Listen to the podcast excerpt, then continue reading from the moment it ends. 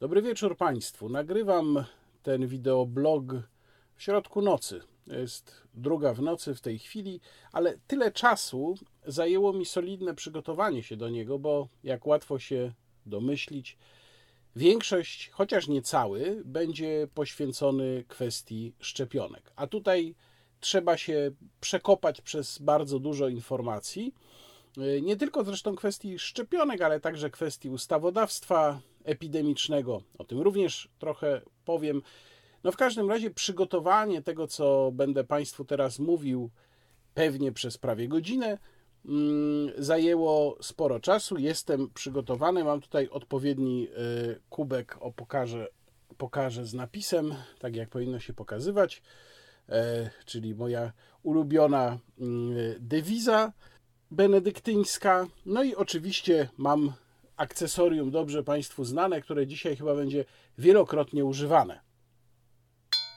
Na początek, jak zwykle, dziękuję wszystkim Państwu, którzy zdecydowali się oglądać, subskrybować, a przede wszystkim wspierać ten kanał. Liczba wspierających zbliża się do 100 e, i też ambitny cel 10 tysięcy subskrybentów prawdopodobnie wkrótce będzie osiągnięty, bo liczba 9 tysięcy subskrybentów została już przekroczona. Wspierających jest też prawie 100. No to są takie progi, które miło sobie wyznaczać i miło pomyśleć, że doceniają Państwo moją pracę. Szczepionka stała się, jak wiadomo, w ustach przede wszystkim pana premiera, ale też pana ministra zdrowia czymś w rodzaju rozwiązania deus ex machina, jakimkolwiek punktem dojścia, mm, który ma nam dać no, w zasadzie powszechną szczęśliwość, chociaż, o czym będę szerzej dalej mówił, pojawiają się już również informacje, że większość,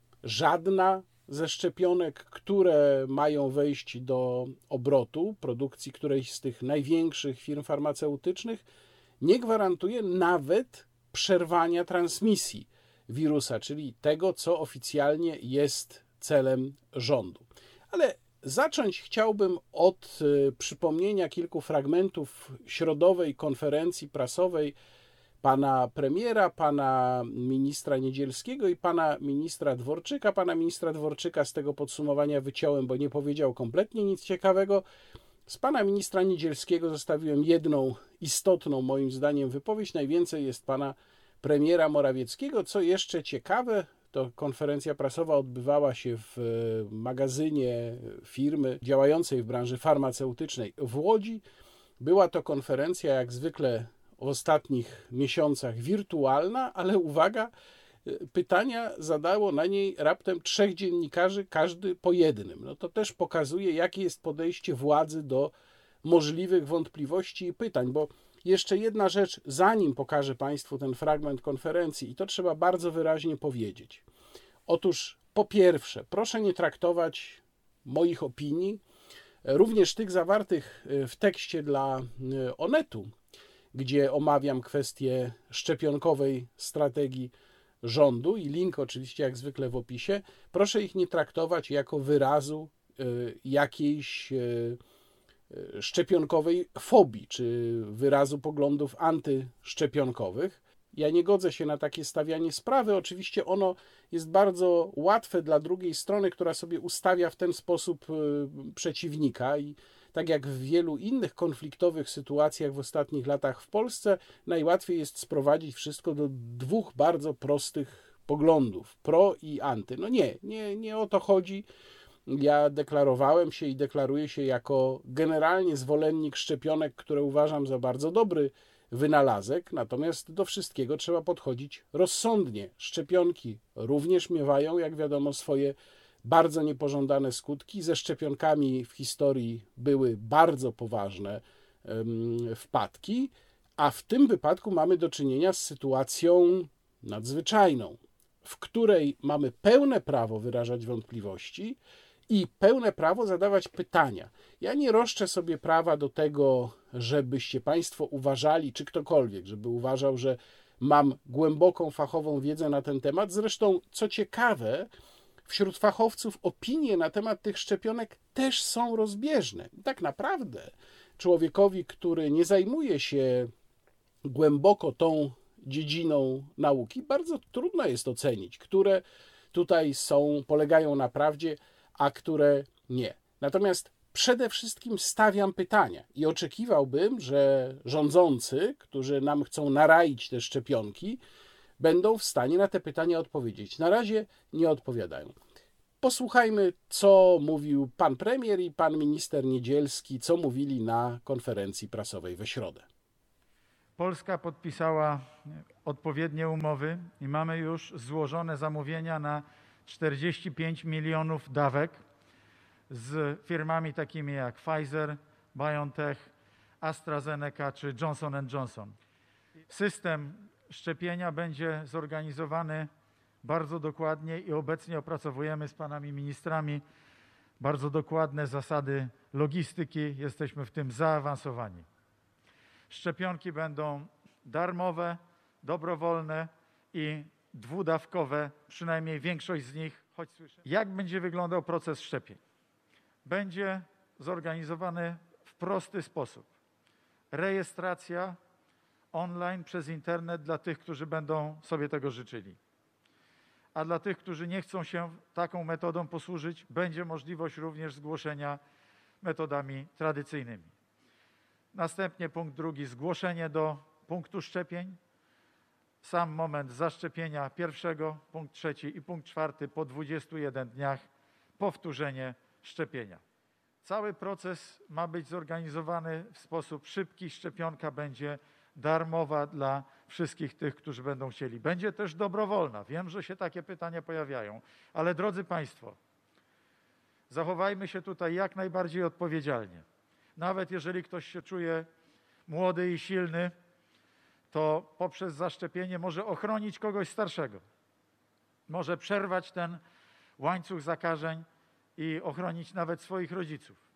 A więc sprawa jest najwyższej wagi. A więc zachęcam również do tego, żeby eliminować wszystkie, jak to się mówi dzisiaj, fake newsy, wszystkie nieprawdziwe, kłamliwe informacje o szczepionkach, o szczepieniach, o zagrożeniach. E, szanowni Państwo, tutaj e, trudno jest mówić o konkretnym poziomie, konkretnym progu minimalnym zaszczepienia, e, który będzie gwarantował, że zapomnimy zupełnie o koronawirusie, że epidemia odejdzie w niepamięć. Na pewno wszystkie nasze wysiłki, które będziemy i w kampanii komunikacyjnej, ale nie tylko, bo planujemy też rozwiązanie takie, że chcemy zaproponować pewien e, pakiet udogodnień dla tych osób, które e, się zaszczepią, e, to w tej sytuacji mamy nadzieję, że na pewno będziemy przekraczali próg 50-60% zaszczepionej populacji, co byłoby już ogromnym sukcesem. Oczywiście cele, które sobie stawiamy, są bardziej ambitne. Tutaj pan premier stawia nam cel, żebyśmy powyżej 70-80% zaszczepili i do tego będziemy dążyli. Jak państwo pewnie zauważyli, w którymś momencie nie mogłem sobie darować y, podstawienia napisu. Napisu z pytaniem o mm, wywiad lekarski, bo to jest jedna z rzeczy, na które szczególnie zwróciłem uwagę w trakcie tej konferencji. Bardzo ciekawa rzecz bardzo dziwna luka w procesie szczepień, który przedstawił pan premier Morawiecki. Nawiasem mówiąc, to przepraszam za kolejną dygresję, ale muszę to powiedzieć. Te konferencje prasowe są nieznośne również dlatego, że one polegają w ogromnej części na laniu wody. Sposób mówienia Mateusza Morawieckiego, ale także innych członków rządu z powtarzaniem tych samych informacji, tylko innymi słowami z owijaniem tego w jakieś y, niepotrzebnie barokowe frazy, zamiast przekazania prostej, jasnej informacji w czasie dwa razy krótszym niż ta konferencja zajmuje, jest to naprawdę nieznośne. Podobnie jak nieznośne jest określenie obostrzenia, o tym już Państwu mówiłem, ale także na przykład określenie wyszczepienie, wyszczepienie społeczeństwa. Wyszczepia się, proszę Państwa, bydło, nie ludzi. Ludzi można szczepić i zaszczepić, nie wyszczepić. Panie ministrze Niedzielski, może ktoś by panu ministrowi zwrócił uwagę na to, żeby jednak odnosząc się do polskich obywateli, nie używał określenia zarezerwowanego dla trzody. E, wracam do sprawy tej luki w procesie szczepień. Otóż pan premier bardzo ładnie nam to wszystko przedstawił, tylko zapomniał chyba o etapie, który jest nie tylko wymogiem medycznym, ale jest też w Polsce wymogiem prawnym, jeżeli mówimy o szczepieniu kogokolwiek. To jest wywiad lekarski. Jest to bardzo ważny etap, dlatego że na tym etapie właśnie ustala się, czy dana osoba kwalifikuje się do szczepienia. Poprzez sprawdzenie, jakie leki bierze, w jakim jest ogólnym stanie zdrowia, w jakim jest stanie zdrowia w danym momencie. No i tu jeszcze można dodać pytanie o to, czy jeżeli mówimy o COVID, czy przechodziła COVID, czy nie przechodziła. Tu mamy bardzo dziwne deklaracje, na przykład pan profesor Horban, doradca premiera, mówi, że ozdrowieńcy też będą szczepieni. No to pojawia się pytanie, czy nie zajdzie tutaj jakaś niepożądana reakcja u kogoś, kto już COVID przechodził. No tego też nie wiemy. W każdym razie brakuje w tym procesie szczepień właśnie etapu dogłębnego wywiadu lekarskiego, bo też co trzeba zaznaczyć, wywiad lekarski nie może być przeprowadzony po łebkach. On powinien polegać i na dokładnym wypytaniu pacjenta, i na jego zbadaniu. I tak normalnie powinno być przed każdym szczepieniem. Więc jak wyobrażają sobie rządzący logistykę tych wywiadów lekarskich, skoro nawet o tym nie mówią, ale za to mówią, że mają być tysiące punktów szczepień w każdej gminie. Już w tej chwili środowisko medyczne rozkłada ręce, mówi, że to jest kompletnie nierealne, więc nie wiem naprawdę, jak sobie to rządzący wyobrażają. A zatem no, pierwsze pytanie, które tutaj wypada postawić, to jest kwestia wywiadu lekarskiego. Dlaczego się ten etap pomija w opowiadaniu nam o tym, jak będą wyglądały szczepienia? Druga kwestia, proszę zwrócić uwagę, że pan premier na tej konferencji mówił mm, o tym, że jak będzie szczepionka, ona zacznie działać, to powrót do normalności, do życia gospodarczego. No ja będę o kwestiach gospodarczych jeszcze trochę później mówił, ale jeżeli akcja szczepień miałaby się zacząć optymistycznie, powiedzmy, mm, na przełomie stycznia i lutego, to jest bardzo optymistyczne założenie, i że wtedy będziemy gotowi. To jest, powiedziałbym, w ogóle hura optymistyczne założenie. Wiadomo, że są dwie dawki szczepionki, które dzieli 21 dni i skuteczność tej szczepionki też jeszcze potrzeba kilku tygodni, żeby ona się pojawiła.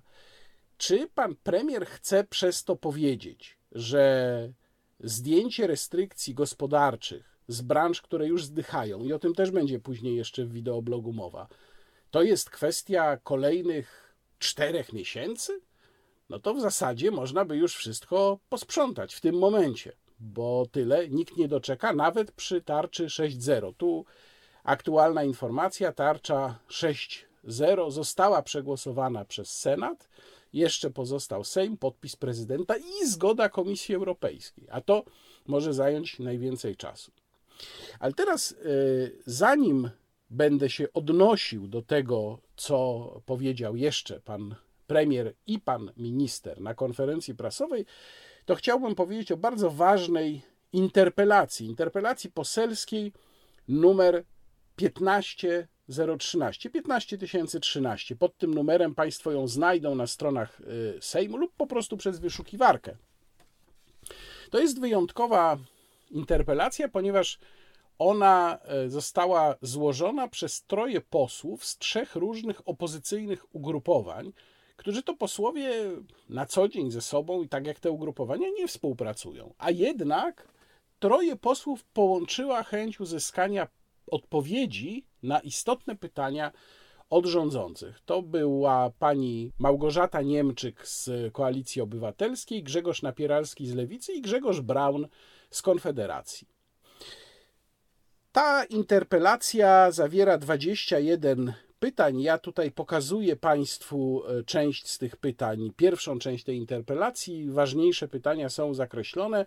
Ja je teraz będę czytał i w miarę czytania spróbuję odpowiedzieć, co wiemy, czego nie wiemy, albo jakie ewentualnie inne informacje się pojawiają na dany temat. Nie wygląda to dobrze. Otóż tak, y, nie, nie, czytam wszystkich pytań, bo to by zajęło za dużo czasu. Czytam tylko te, które zaznaczyłem jako ważniejsze. Po pierwsze, czy producenci zakupionych przez polski rząd szczepionek przeciwko SARS-CoV-2 zostaną zwolnieni z odpowiedzialności za niepożądane działania swoich produktów? To jest bardzo ważne pytanie, ponieważ ono nam mówi również o tym, jak pewni są producenci działania swoich produktów. W rozmowie, w wypowiedzi odnotowanej przez agencję Reuters w lipcu tego roku, członek zarządu firmy AstraZeneca, jednej z firm, y, w których Polska zakontraktowała szczepionki, według słów pana premiera, Rud Dobber, powiedział zupełnie wprost, że z większością krajów, z którymi AstraZeneca podpisała e, umowy na dostarczenie szczepionki, firma zawarła umowy indemnizacyjne czyli no to jest termin z prawa międzynarodowego, ale tutaj zastosowany do umów e, handlowych, czyli umowy, które zdejmują z firmy odpowiedzialność za niepożądane skutki. I wprost zupełnie pan Dober powiedział, że firma nie może brać na siebie w takiej sytuacji ryzyka za skutki, które pojawią się na przykład za 4 lata. Dokładnie tego sformułowania, jak Państwo zresztą widzieli na fragmencie, który pokazałem, dokładnie tego sformułowania użył. No, to jednak jest dosyć alarmująca wypowiedź, bo ona może świadczyć o tym, że producent, jeden z producentów e, szczepionek, przyjmuje w zasadzie zupełnie oficjalnie, że nie jest w stanie powiedzieć, czy nie pojawią się nieprzewidziane skutki za te cztery lata. E, I Będę jeszcze mówił o tym, jak to wygląda w przypadku e, szczepionki Pfizera, bo mamy dokument dla brytyjskich medyków, któremu się warto przyjrzeć i wyłowić z niego pewne fragmenty, ale mm, to później. W każdym razie ta bardzo podstawowa kwestia, czyli kwestia odpowiedzialności mm, rządu lub firmy za E, ewentualne skutki uboczne nie została wyjaśniona w żadnej wypowiedzi żadnego przedstawiciela polskiego rządu do tej pory. Kolejne pytanie: czy lekarze zostaną zwolnieni z odpowiedzialności za błędy medyczne związane z kwalifikacją do szczepienia przeciwko SARS-CoV-2? No, ja już pytałem tutaj, mówiłem tu przed chwilą o kwestii E, wywiadu lekarskiego. W ogóle nie wiemy, jak ten wywiad lekarski ma wyglądać. To jest pytanie, które się do tego odnosi. Czy szczepionka przeciwko SARS-CoV-2 będzie obowiązkowa? No i właśnie, tutaj mamy zapewnienia pana premiera, że nie, ale jednocześnie mamy tę wypowiedź, którą Państwo słyszeli, pana ministra Niedzielskiego, że pakiet ułatwień ma być przygotowany i ta wypowiedź była kontynuowana również w innych mediach. Ona już przybrała bardziej konkretną postać, e, mianowicie pan minister Niedzielski powiedział następnie, że e, osoby zaszczepione nie będą podlegały pewnym restrykcjom. I nawet jeżeli, jak niektórzy e, argumentują tutaj, to jest polityka, którą będą przyjmować różne europejskie kraje, to jest to polityka skandaliczna. Mnie interesuje to, co się dzieje oczywiście w Polsce. To, że inni popełniają takie błędy mm, i łamią zasadę równości wobec prawa, no to niewiele mnie interesuje, choć oczywiście podróżując mogę paść ofiarą takich restrykcji. Natomiast jeżeli polski rząd będzie próbował zróżnicować prawa obywateli w zależności od tego, czy się zaszczepią, czy nie, jednocześnie podtrzymując twierdzenie, że szczepionka jest dobrowolna, no to mam nadzieję, że wyniknie z tego jakiś ostry bunt społeczny i polityczny. Po prostu na to nie możemy się zgodzić i liczyłbym też na to, że ten sojusz, który tutaj został pokazany przy okazji tej interpelacji, sojusz Konfederacji, Lewicy, Koalicji Obywatelskiej, przeciwko rządzącym w takiej sprawie zostanie zawiązany, że tutaj rzeczywiście mm, kwestie ambicjonalne, czy kwestie tego, kto na, na, w opozycji będzie rządził, odejdą na dalszy plan, bo przeciwko takiemu podejściu y, trzeba protestować i trzeba mu się przeciwstawić. E, dalej jest pytanie o y, możliwe zastosowanie przymusu bezpośredniego lub miękkich form przymusu, czyli na przykład ograniczeń dotyczących życia prywatnego, podróży, pracy, edukacji wobec obywateli, którzy nie wyrażą zgody na dobrowolne poddanie się szczepieniu. No to jest właśnie to, o czym mówił minister Niedzielski, niestety. E, kolejne pytanie. Czy w przypadku, gdyby szczepionka przeciwko SARS-CoV-2 powodowała powikłania, rząd polski przewiduje stworzenie funduszu odszkodowawczego dla poszkodowanych? To jest kolejne bardzo ważne pytanie. Drugie zaraz w hierarchii ważności po pytaniu o przejęcie odpowiedzialności od firmy produkującej szczepionki. E, fundusz dla ofiar e, niepożądanych skutków niepożądanego e, odczynu poszczepiennego, czyli tak zwanego NOP-u, jest sprawą absolutnie podstawową i rząd powinien zadeklarować, jakie ma w tym względzie plany. Nic o tym nie słyszymy. Słyszymy tylko od pana premiera, że e, nie będzie skutków niepożądanych, ale o tym jeszcze za chwilę. Sprawa następna. Czy szczepionka przeciwko SARS-CoV-2 producenta, z którym polski rząd podpisał lub planuje podpisać umowę, została przebadana pod względem bezpieczeństwa jej wykorzystania u ludzi oraz możliwych skutków działań niepożądanych w perspektywie zarówno krótkoterminowej, jak i długoterminowej? No otóż, proszę Państwa, nie została przebadana w perspektywie długoterminowej, krótkoterminowej tak, długoterminowej nie ponieważ y, tak zwanej trzeciej fazy badań klinicznych nie przeprowadzono ze względu na brak czasu. Y, pokażę Państwu teraz fragment tego, tej informacji y, Pfizera. Ten fragment mówi o tym, że badania prowadzono na mniej więcej 44 tysiącach osób i one obejmowały czas dwóch miesięcy po podaniu drugiej dawki. Czyli jeżeli chodzi o skutki uboczne, no to znamy je w takim czasie. Ja słyszałem opinię jednego z naukowców, który ma swój kanał na YouTube i który mówił, że zdecydowana większość niepożądanych skutków pojawia się w ciągu kilku tygodni po podaniu szczepionki. Nie jestem w stanie jako nie naukowiec, nie fachowiec tego zweryfikować, natomiast kojarzę sytuacje, w których skutki uboczne, niepożądane pojawiały się po szczepionkach znacznie później. Zresztą ten okres dwóch miesięcy no to jest raptem 8 tygodni. Nie wiem, czy to jest okres wystarczający. Mówiąc szczerze, nie sądzę, zwłaszcza w przypadku szczepionek nowego rodzaju, bo te szczepionki wektorowe to są szczepionki nowego rodzaju. Za chwilę zresztą będę czytał pytanie tego dotyczące z interpelacji trojga e, posłów. Natomiast warto tu jeszcze mm, zauważyć, że e, pojawiają się nawet takie informacje, że szczepionka nie przerywa łańcucha transmisji wirusa. Więc nawet co do tego są wątpliwości, jakie tak naprawdę jest jej oddziaływanie. To znaczy, być może ona chroni organizm osoby zaszczepionej przed na przykład ciężkim przebiegiem choroby lub w ogóle przed zachorowaniem, ale to nie znaczy, że przerywa transmisję wirusa. Kolejne pytanie. Czy szczepionka przeciwko SARS-CoV-2 producenta, z którym rząd polski podpisał lub planuje podpisać umowę, przeszła badania bezpieczeństwa pierwszej, drugiej i trzeciej fazy? No to wiemy, że trzeciej fazy nie przeszła. Teraz druga część e, interpelacji. Tu Państwo widzą e, na ekranie drugą część tych pytań czy polski rząd ma, będzie miał dostęp do dokumentacji producenta dotyczącej skuteczności i bezpieczeństwa zakupionej szczepionki? To jest bardzo ważne pytanie, tego też nie wiemy, nie mamy pojęcia. Sądząc z tego, co mówią przedstawiciele władzy, nie wydaje mi się, żeby mieli do takiej dokumentacji dostęp. Ja oczywiście tylko spekuluję. Mówię tutaj o tych, którzy byliby w stanie ją zrozumieć. Natomiast jeżeli mm, czytam wypowiedzi przedstawicieli polskiego rządu, to one nie przekraczają w swoim zakresie wiedzy tego, co jest napisane w informacji dotyczącej szczepionki Pfizera. Tej informacji, o której jeszcze będę Państwu mówił. Na przykład to, że nie można nią szczepić dzieci poniżej 12 roku życia. No, taka wypowiedź ministra Dworczyka była, nie mamy czym, czy ministra zdrowia, już nie pamiętam, nie mamy czym zaszczepić dzieci poniżej 12 roku życia.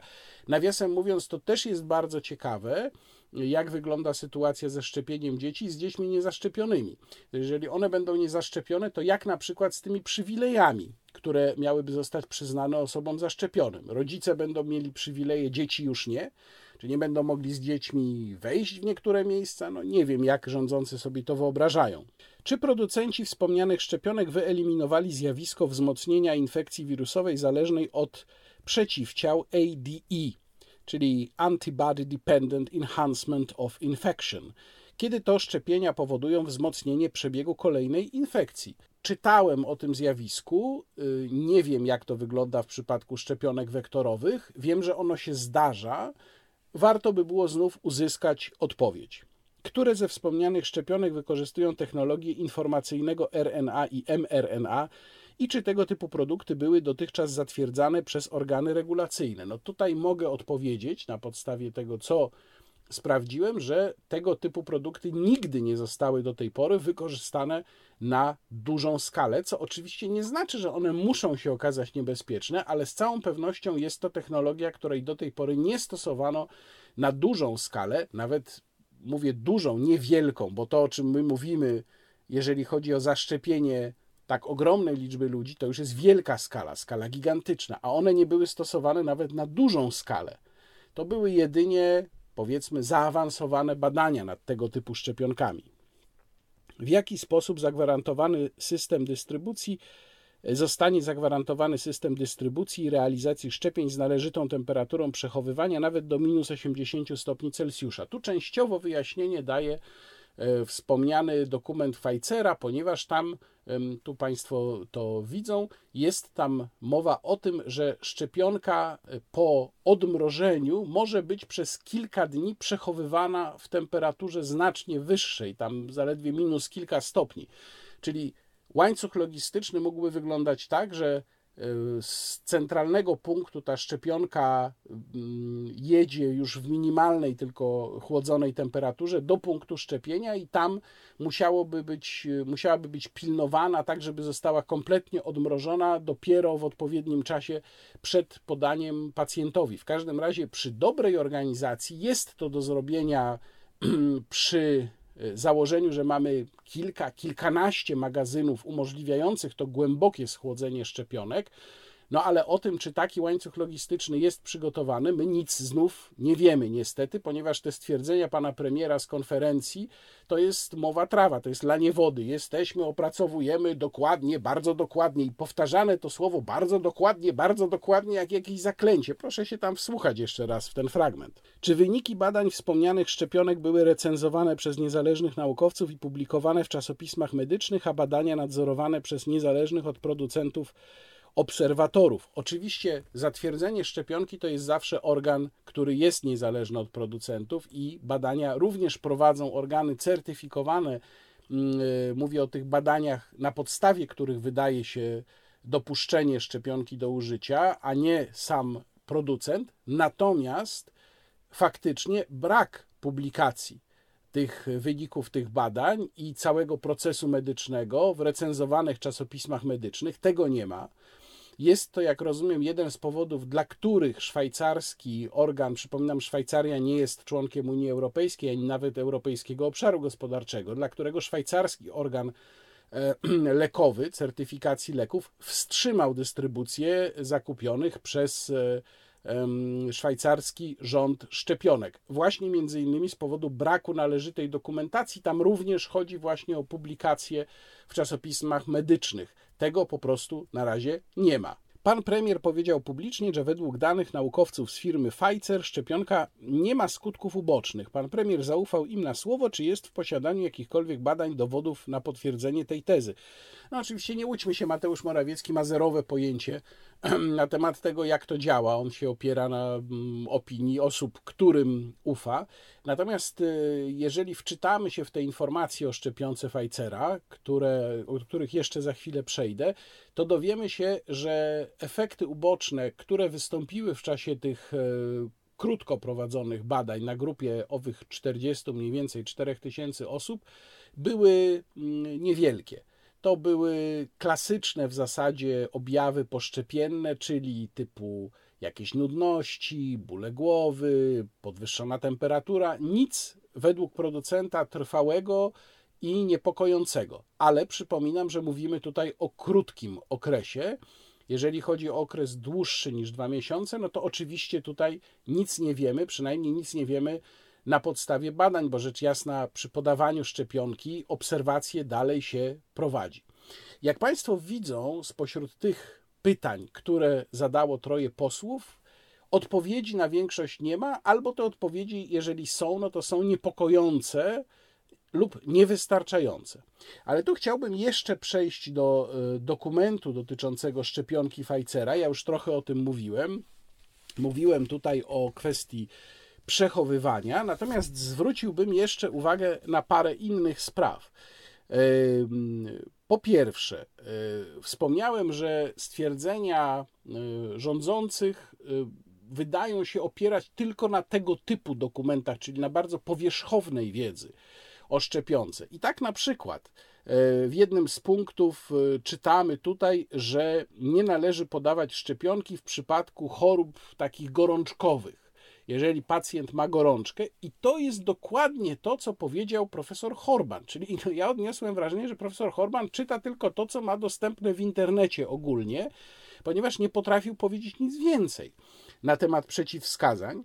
No i jeszcze niezwykle niepokojące jest tutaj stwierdzenie, że nie przeprowadzono żadnych badań dotyczących interakcji z innymi produktami medycznymi. E, I no tutaj powstaje pytanie, e, jeżeli wywiad lekarski nie będzie przeprowadzany rzetelnie i dogłębnie, jeżeli do punktu szczepień stawi się osoba na przykład starsza, yy, która cały czas zażywa ileś leków. No, studia nad interakcją z innymi lekami nie zostały przeprowadzone. Czy w takim razie mamy pewność, że taka osoba nie zachoruje albo nie doświadczy jakichś bardzo niepożądanych skutków ubocznych po przyjęciu szczepionki, no, takiej pewności mieć nie możemy. Ja bym chciał usłyszeć odpowiedź um, przedstawicieli rządu, jak widzą tę sytuację. Jak widzą sytuację osób, które stale przyjmują jakieś lekarstwa, przynajmniej jeżeli chodzi o szczepionkę Pfizera. No, pytanie, jak jest z innymi szczepionkami, ale tutaj też rząd zostawia nas we mgle. To znaczy, my tak naprawdę nic nie wiemy. Nie wiemy nawet, czy rząd rozróżnia w ogóle te szczepionki. Kto będzie dostawał szczepionkę AstraZeneca, a kto szczepionkę Pfizer, a czy warunki e, związane ze szczepionką AstraZeneca są identyczne jak przy szczepionce Pfizer. Czy wszędzie nie przeprowadzono badań dotyczących interakcji z innymi lekarstwami, czy też niektórzy producenci przeprowadzili, inni nie przeprowadzili. No, to wydaje się są dosyć podstawowe kwestie, a obawiam się, że w tej kampanii, i proszę mnie trzymać za słowo, że w tej kampanii informacyjnej czy profrekwencyjnej, jak y, określa to władza, która ma się zacząć w połowie grudnia, nie usłyszymy odpowiedzi na żadne z tych pytań albo na prawie żadne i mogą Państwo wrócić tutaj i sprawdzić potem i napisać mi w komentarzach, czy tak rzeczywiście się y, stało. Ja oczywiście też to będę obserwował.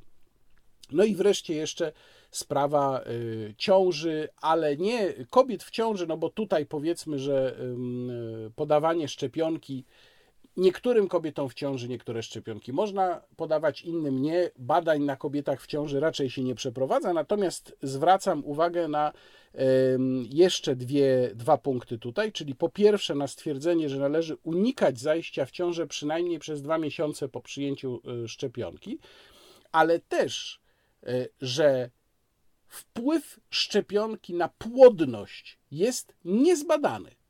Czyli nie przeprowadzono żadnych badań, no nie przeprowadzono, bo za mało czasu było na to, pokazujących, czy szczepionka ma wpływ na płodność. Proszę Państwa, to jest jedna z absolutnie kluczowych informacji. Czy władza zamierza to wyjaśnić, czy zamierza w jakiś sposób nam powiedzieć, że jeżeli się zaszczepimy, to nie wiadomo, czy jeszcze będziemy mogli mieć dzieci? Ja nie zakładam, że nie będziemy. Tylko mówię, co jest napisane w informacji o szczepionce Pfizera, że nie wiadomo, że tego nie sprawdzono. A zatem, proszę Państwa, cóż można powiedzieć o tych informacjach, których nam udziela do tej pory rząd? Powiedzieć chyba niewiele. Niech przemówi dzwoneczek. Jest jeszcze jedna sprawa, o której warto powiedzieć, to jest koszt tej, tych szczepionek i koszt całej akcji. Podczas konferencji prasowej padło takie pytanie, bo rząd oczywiście sam z siebie tego nie powie, ale padło takie pytanie i padła odpowiedź. 5 do 10 miliardów złotych. Gigantyczne pieniądze. 5 do 10 miliardów to rząd ma taki rozrzut, że w granicach 100% nie wie, czy to będzie 5 czy 10 miliardów. No, przepraszam, ale my tu nie mówimy o 5 czy 10 złotych, tylko o 5 czy 10 miliardach. 5 miliardów więcej lub 5 miliardów mniej to jest e, kwota, którą się uzyskuje z jakiegoś nowo nałożonego podatku na obywateli. Całego. No więc mm, mówimy tutaj naprawdę o olbrzymiej różnicy. I faktem jest, że spółki farmaceutyczne zarabiają na tym gigantyczne pieniądze. Proszę sobie wyobrazić, jeżeli to jest 5 lub 10 miliardów tylko w Polsce za 45 milionów dawek szczepionki, to ile firmy farmaceutyczne, ci tych powiedzmy czterech gigantów czy trzech gigantów największych, e, zgarnia z całej Unii Europejskiej? I teraz widziałem, jak to napisałem na Twitterze, że wywołało to pewne reakcje, że co pan tutaj to jest wolny rynek.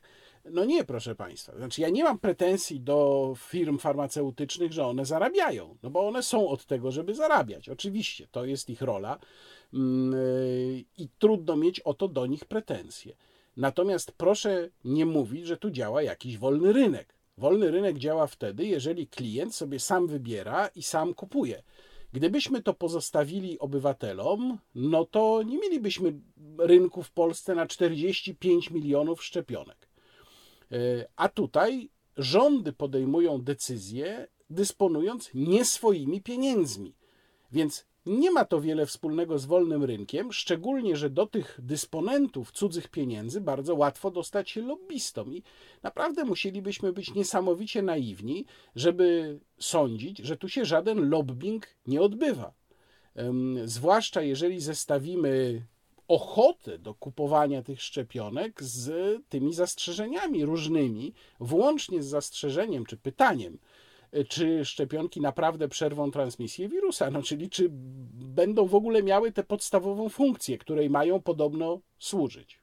Nawiasem mówiąc, bardzo interesująco brzmi też to stwierdzenie z konferencji prasowej pana ministra Niedzielskiego, że tu taki ambitny cel 60 do 70% ma być zaszczepionych. No ja przypomnę, że wszystkie sondaże, które się pojawiały do tej pory, włącznie z najnowszymi, pokazują, że większość Polaków nie chce się szczepić. No, najnowszy sondaż RMF z 18 listopada.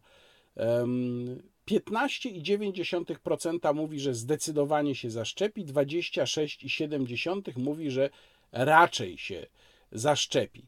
Czyli razem mamy około 42%. Natomiast przeciwko 28% mówi zdecydowanie nie, a raczej nie mówi 20 2%, czyli mamy ponad 50%, czyli ponad połowa Polaków nie chce się szczepić. Więc o czym tutaj pan minister Niedzielski, przepraszam, bredzi, mówiąc, że 60 do 70% zaszczepimy. No, żeby zaszczepić 60 do 70% Polaków dobrowolnie, no to są tylko dwa sposoby. Albo trzeba zacząć do ludzi mówić innym językiem, takim, który rzeczywiście rozwiewa wątpliwości, a nie takim, który je powiększa, albo potraktuje się Polaków jak bydło, które trzeba wyszczepić i rzeczywiście zacznie się tam biczem zaganiać, że tam nie wejdziesz do sklepu, jak się nie zaszczepisz, siedzieć w domu, jak się nie zaszczepisz. No tak, rzeczywiście, w ten sposób być może uda się te 60-70% skłonić do przyjęcia niesprawdzonej, no powiedzmy słabo sprawdzonej szczepionki.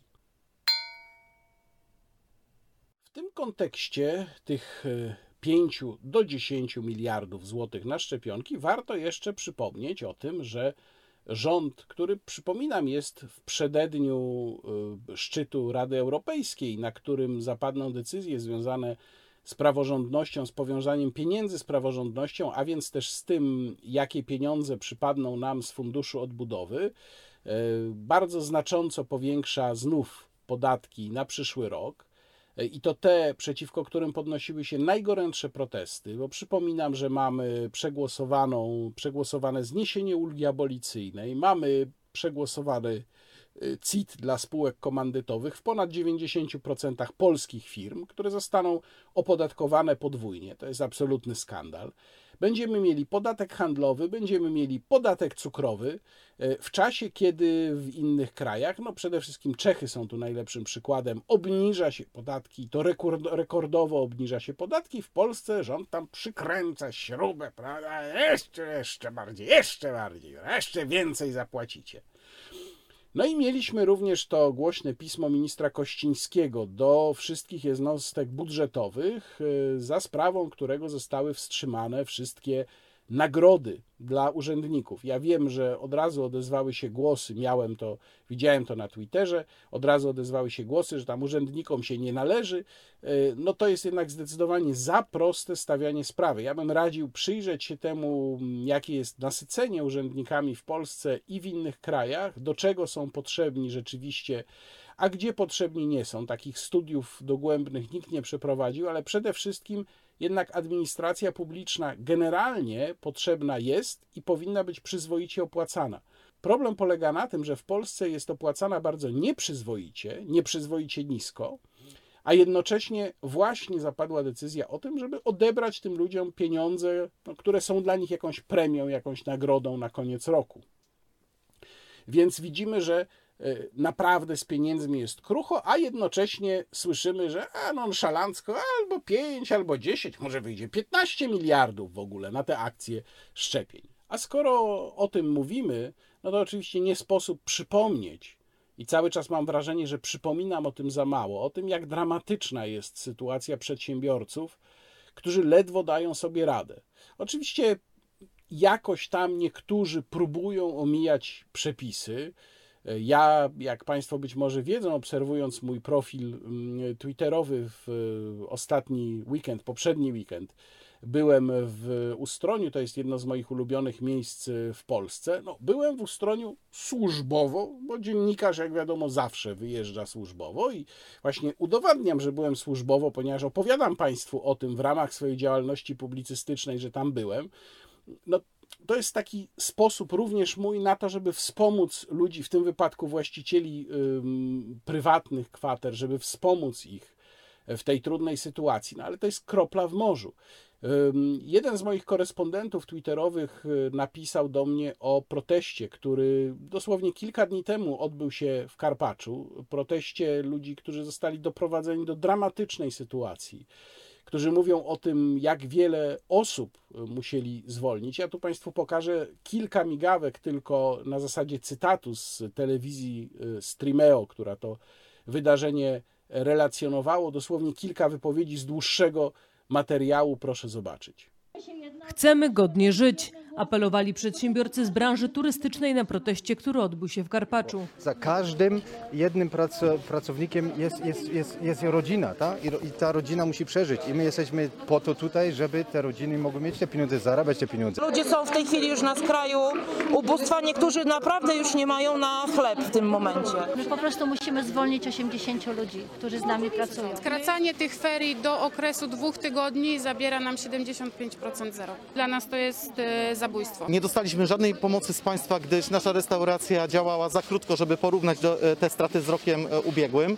W wakacje odbiliśmy się na tyle, że pospłacaliśmy długi zaciągnięte w, e, u swoich rodzin.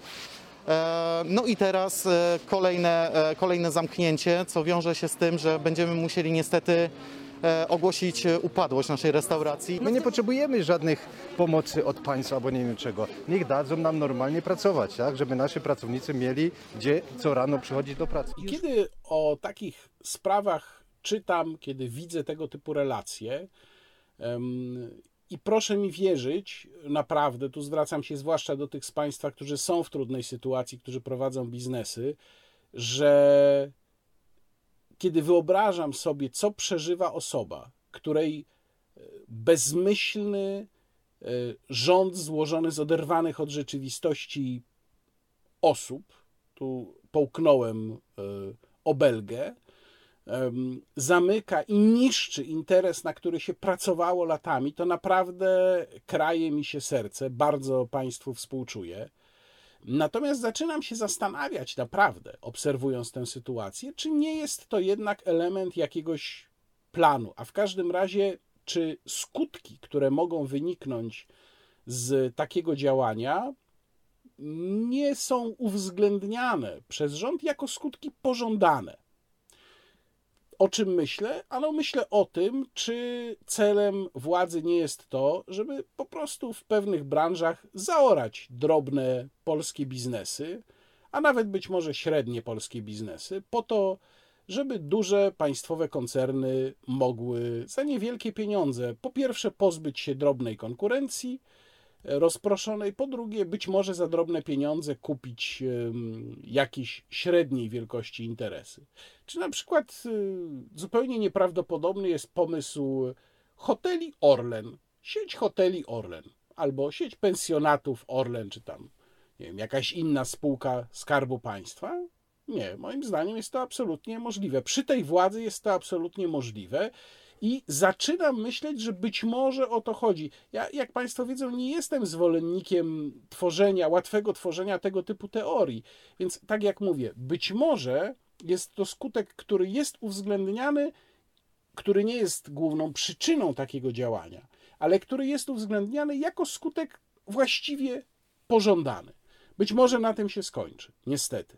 A skoro mówimy o nieczynnych biznesach, to nie sposób jeszcze nie wspomnieć o pomyśle, który mnie szczególnie ujął. Co prawda, to już było dobrych parę dni temu, ale jednak muszę o tym Państwu przypomnieć. To jest pomysł pana byłego wiceministra obrony Bartosza Kownackiego. Tu Państwo widzą tego tweeta, czyli żeby uniknąć turystyki w galeriach handlowych, w centrach handlowych, to opłata 100 zł przy wejściu, zwrotna e, przy okazaniu paragonu przy wyjściu. Taka e, kaucja, rodzaj takiej kaucji. E, Przypominam, pan Kownacki był wiceministrem obrony. Jeżeli ktoś jest wiceministrem obrony, no to byśmy zakładali, że ma pewne zdolności dotyczące przewidywania konsekwencji, logicznego rozumowania. Generalnie rzecz biorąc, że jest w stanie rozpoznać pewne mechanizmy, no to choćby takie najprostsze, rządzące rzeczywistością. No to zastanówmy się. Czy na przykład pan Kownacki pomyślał o tym, że wchodzi się do centrum handlowego, żeby załóżmy kupić spodnie, ale się spodni odpowiednich nie znajdzie. I co wtedy? Czy te 100 zł przepada? No nie, bo przecież możemy kupić sobie na przykład paczkę zapałek w kiosku, który jest w centrum handlowym i już dostaniemy 100 zł z powrotem. Ale ja myślę, że ten pomysł pana Kownackiego jednak jest za mało śmiały. Ja bym go jeszcze wzbogacił. No bo jak już właśnie udowodniłem, e, łatwo jest obejść ten problem właśnie na przykład kupując paczkę zapałek, no i proszę bardzo, zwrot 100 zł jest. A to nie powinno być tak szybko. Polskie państwo potrzebuje pieniędzy. Można by pomyśleć na przykład o tym, żeby ta opłata wcale nie była zwrotna. Dlaczego ma być zwrotna? Jak ktoś chce sobie robić przyjemność i chodzić, szlajać się po jakichś centrach handlowych, to niech zapłaci mm, do wspólnego budżetu, żeby tam wesprzeć kolejne tarcze wynikające z tego, że kolejne branże będą zamknięte przez kolejne miesiące, prawda? Dlaczego to ma być tylko 100 zł? Niech to będzie na przykład 500 zł, a do tego jeszcze proponowałbym wzorem em, no, czasów PRL-owskich, ale w końcu to były przecież dobre czasy, zwłaszcza te za towarzysza Wiesława, prawda? Więc wróćmy do nich na całego już, mm, bez udawania, że jest jakoś inaczej. Niech odpowiednie zezwolenia na wizytę w centrum handlowym wydaje milicja. Niech to będzie tylko raz na jakiś czas i niech tam będzie jakaś porządna opłata za to. 500 zł, a właściwie nawet i 1500, bo co, prawda? Raz na miesiąc obywatel za 1500 zł dostanie przepustkę taką na godzinę, na godzinę, bo to nie może być za długo. Na godzinę pójdzie sobie do centrum handlowego, okaże przepustkę przy wejściu, Przedmiot dmuchany rekreacyjny. Legitymacja. Jaka znowu legitymacja, panie? 15 metrów od brzegu teren jest ogólnie dostępny. A w ogóle to niech pan przeczyta rozporządzenie ministra w monitorze z 27 grudnia numer 1789. Tak, ja tu będę czytał, pan mi widzi bez cytat. Legitymacja. No pa... Proszę.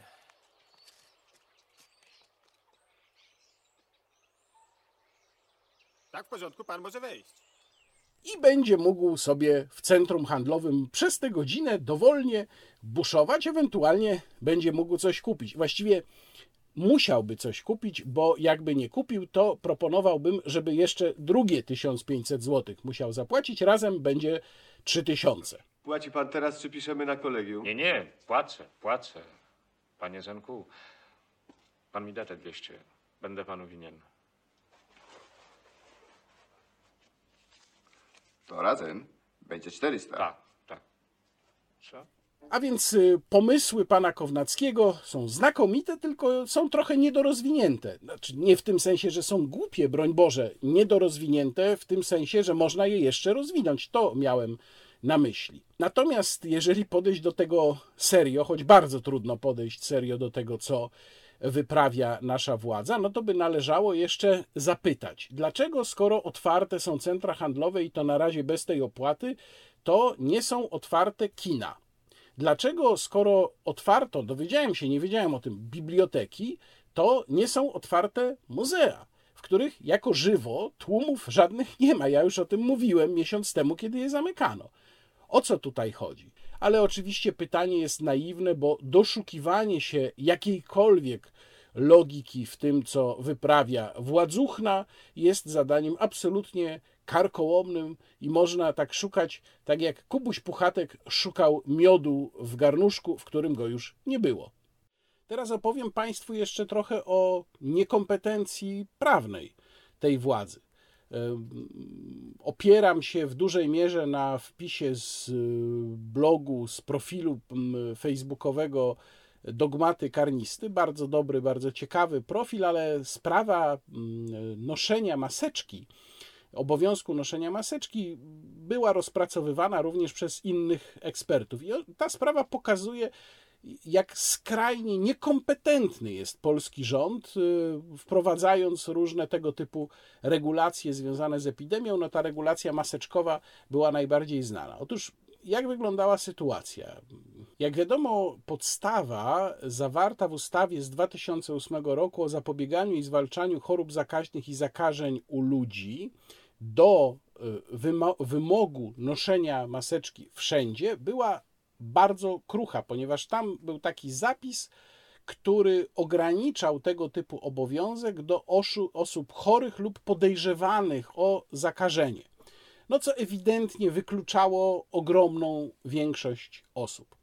Rząd to postanowił poprawić, uchwalając nowelizację, taką ustawę covidową, zawierającą nowelizację między innymi tej właśnie ustawy z 2008 roku. I ta nowelizacja to była właśnie ta ustawa słynna, która leżała przez miesiąc w Sejmie, ponieważ wpisano do niej podobno omyłkowo, nawiasem mówiąc, zły pomysł, moim zdaniem, dodatków dla w zasadzie wszystkich lekarzy. Więc ona sobie czekała. No i ona sobie tak czekała i czekała, i w czasie, kiedy ona sobie czekała, nie było wciąż obowiązku noszenia maseczki, mimo że ta nowelizacja zawierała nowy punkt, tu Państwo to widzą, punkt specjalnie poświęcony obowiązkowi noszenia maseczki. No i tak się złożyło, że ustawa weszła ostatecznie w życie 28 listopada, ale nadal obowiązywało rozporządzenie wydane na podstawie starej ustawy. W związku z czym, w momencie, kiedy weszła ta nowa ustawa w życie, to znaczy weszła nowelizacja ustawy z 2008 roku w życie, to rozporządzenie już się w ogóle nie odwoływało do nowej treści ustawy, bo ono było wydane do starej ustawy, która zresztą nie dawała podstawy w ogóle do mm, wymagania od każdego, jak powiedziałem, noszenia maseczki. Czyli w zasadzie mieliśmy stan prawny, w którym rozporządzenie odnosiło się nie wiadomo do czego. No bo nie odnosiło się już do zmienionej ustawy. A jak wiadomo, rozporządzenie musi dotyczyć ustawy w aktualnym kształcie, czyli po każdej nowelizacji ustawy powinno zostać wydane nowe rozporządzenie. No i w końcu rzeczywiście tak się stało, weszło to rozporządzenie, ale ono weszło w życie dopiero 2 grudnia, czyli mieliśmy taką dziurę prawną między 28 listopada a 2 grudnia. Mieliśmy dziurę prawną, jeżeli chodzi o noszenie maseczek, i również to nowe rozporządzenie no wreszcie naprawiło tę kwestię związaną z noszeniem maseczek wszędzie w, gdzie jest więcej niż jedna osoba w miejscu pracy, bo tam jest takie sformułowanie, że pracodawca może zdecydować, żeby tej maseczki nie nosić. Ja przepraszam, jeżeli to brzmi w bardzo skomplikowany sposób, ale to pokazuje, jaki, przepraszam, tutaj panuje to już powiedzmy lupanar prawny, jak władza sama kompletnie nie panuje nad przepisami, które wydaje. To jest totalny, totalny chaos. Teraz parę słów o sprawie, która będzie rozpatrywana na najbliższym posiedzeniu mm, Sejmu.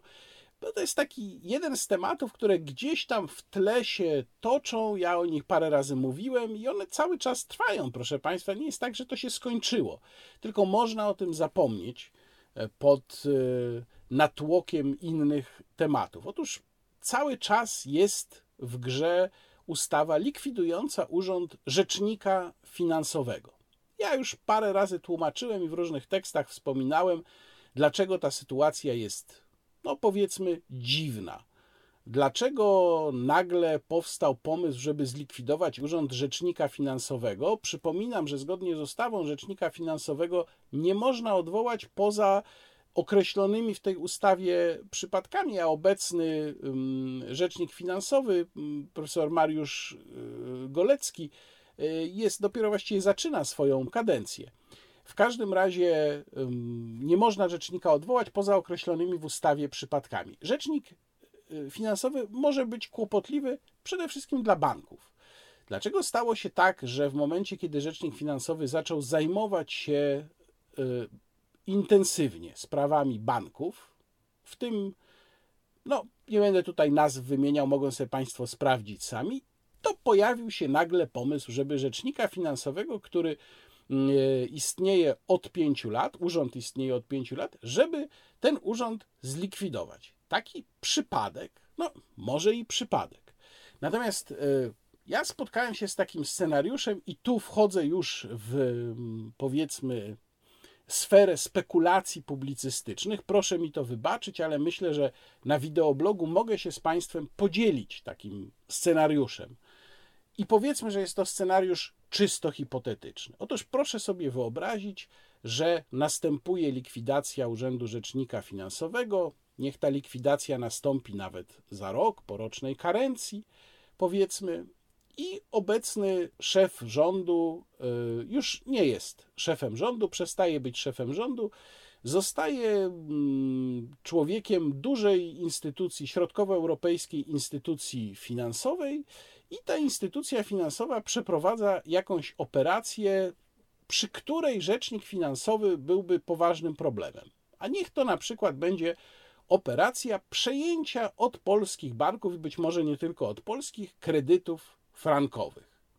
No i oczywiście takie przejęcie powoduje, że na przykład posiadaczom takich kredytów jest nagle znacznie trudniej dochodzić swoich praw, ponieważ ta instytucja finansowa może działać w jakimś innym reżimie prawnym. To już nie będzie instytucja podporządkowana polskiemu prawu, a więc nie będzie podporządkowana polskim sądom. Rzecznik finansowy pewnie by e, w takiej sytuacji bił na alarm, ale kto ma być na alarm, jak rzecznika finansowego już nie będzie. Więc jak mówię, to jest taka spekulacja, czy rzeczy się tak potoczą, czy inaczej. Tego nie wiem. W każdym razie dzielę się z Państwem taką political fiction. Proszę samemu ocenić, ile w tym, co powiedziałem, może być prawdy, do jakiego stopnia może to być prawdopodobne. Na koniec jeszcze dwie drobne sprawy, już niezwiązane z polityką. Po pierwsze, Facebook niedawno przypomniał mi, że 7 lat temu już 7 lat temu odebrałem swoją kartę członkowską Związkowego Klubu Strzeleckiego na Bielanach. Nawet nie zdawałem sobie sprawy, że moja przygoda ze strzelectwem trwa już tyle czasu. Niektórzy z Państwa prosili mnie już nawet kilkakrotnie, to się powtarzało, żebym w jednym ze swoich wideoblogów opowiedział o tym, jak do tego doszło. Ja mówiłem trochę już w sesji e, pytań i odpowiedzi, którą Państwo znajdą na moim kanale wcześniej. Jeżeli Państwo szukają klubu, gdzie warto zacząć strzelać, to po pierwsze, proszę pamiętać, że strzelnice działają. Odbywają się nawet zawody strzeleckie, które no, z zasady odbywają się bez publiczności, więc mogą się odbywać. Strzelnice działają, można przyjść. Polecam szczególnie strzelnicę mojego związkowego klubu strzeleckiego na Bielanach. To jest e, strzelnica duża. Tam nie ma problemów ze stanowiskiem. Są bardzo sensowni instruktorzy, których serdecznie pozdrawiam, jeżeli oglądają ten wideoblog. Zawsze chętnie pomogą, wyjaśnią, pokierują, jeżeli przychodzi się po raz pierwszy. Mm, warunki są dobre, bo ludzie nie stoją sobie za plecami, nad głowami. Jak powiedziałem, miejsca jest e, bardzo dużo. Strzelnica jest półotwarta, więc e, no, zimą jest tam chłodno. To nie jest strzelnica całkowicie zamknięta, ale to ma też swoje zalety. Wiem, że są ludzie, którzy mm, bardzo tego typu obiekty lubią. Jeżeli Państwo chcą się przygotować do strzelania, jeżeli w przyszłości chcą Państwo zdawać egzamin na patent strzelecki, bawić się w strzelectwo sportowe, to tam instruktorzy pokierują, podpowiedzą, powiedzą jak to robić. E, oczywiście można rozpocząć strzelania stażowe w klubie, które są niezbędne do tego, żeby patent strzelecki otrzymać, a potem pozwolenie na broń do celów sportowych. Oczywiście, jeżeli takie jest zapotrzebowanie, to chętnie w którymś z przyszłych wideoblogów opowiem o tym więcej. I na koniec jeszcze jedna dobra wiadomość ze sfery kulturalnej. Jak Państwo pamiętają, na pewno kilkakrotnie już reklamowałem e, i fundację, krakowską fundację Incanto i był, e, była rozmowa z jej prezesem Łukaszem Serwińskim. I przede wszystkim reklamowałem książkę Sir Rogera Scrutona, Muzyka jest ważna, którą właśnie Fundacja Incanto wydała. Książka oczywiście jest do kupienia, nadal ją Państwu serdecznie polecam, ale też chciałbym się podzielić dobrą wiadomością, mianowicie istniejąca od trzech lat Fundacja Incanto wreszcie otrzymała status organizacji pożytku publicznego. I to oznacza, że jeżeli będą chcieli Państwo wesprzeć wysoką kulturę w dobrym wydaniu, a ja gwarantuję tutaj, że to jest porządna organizacja kierowana przez porządnych, ideowych ludzi, którzy robią dobrą robotę. To ja osobiście Państwu gwarantuję. To będą Państwo mogli na fundację Incanto wpłacić swój 1% podatku przy rozliczaniu podatku dochodowego. I ja właśnie taki plan mam, tak zamierzam zrobić w przyszłym roku, rozliczając podatek za ten rok. Bardzo Państwu dziękuję. Do zobaczenia następnym razem. Łukasz Warzecha, kłaniam się.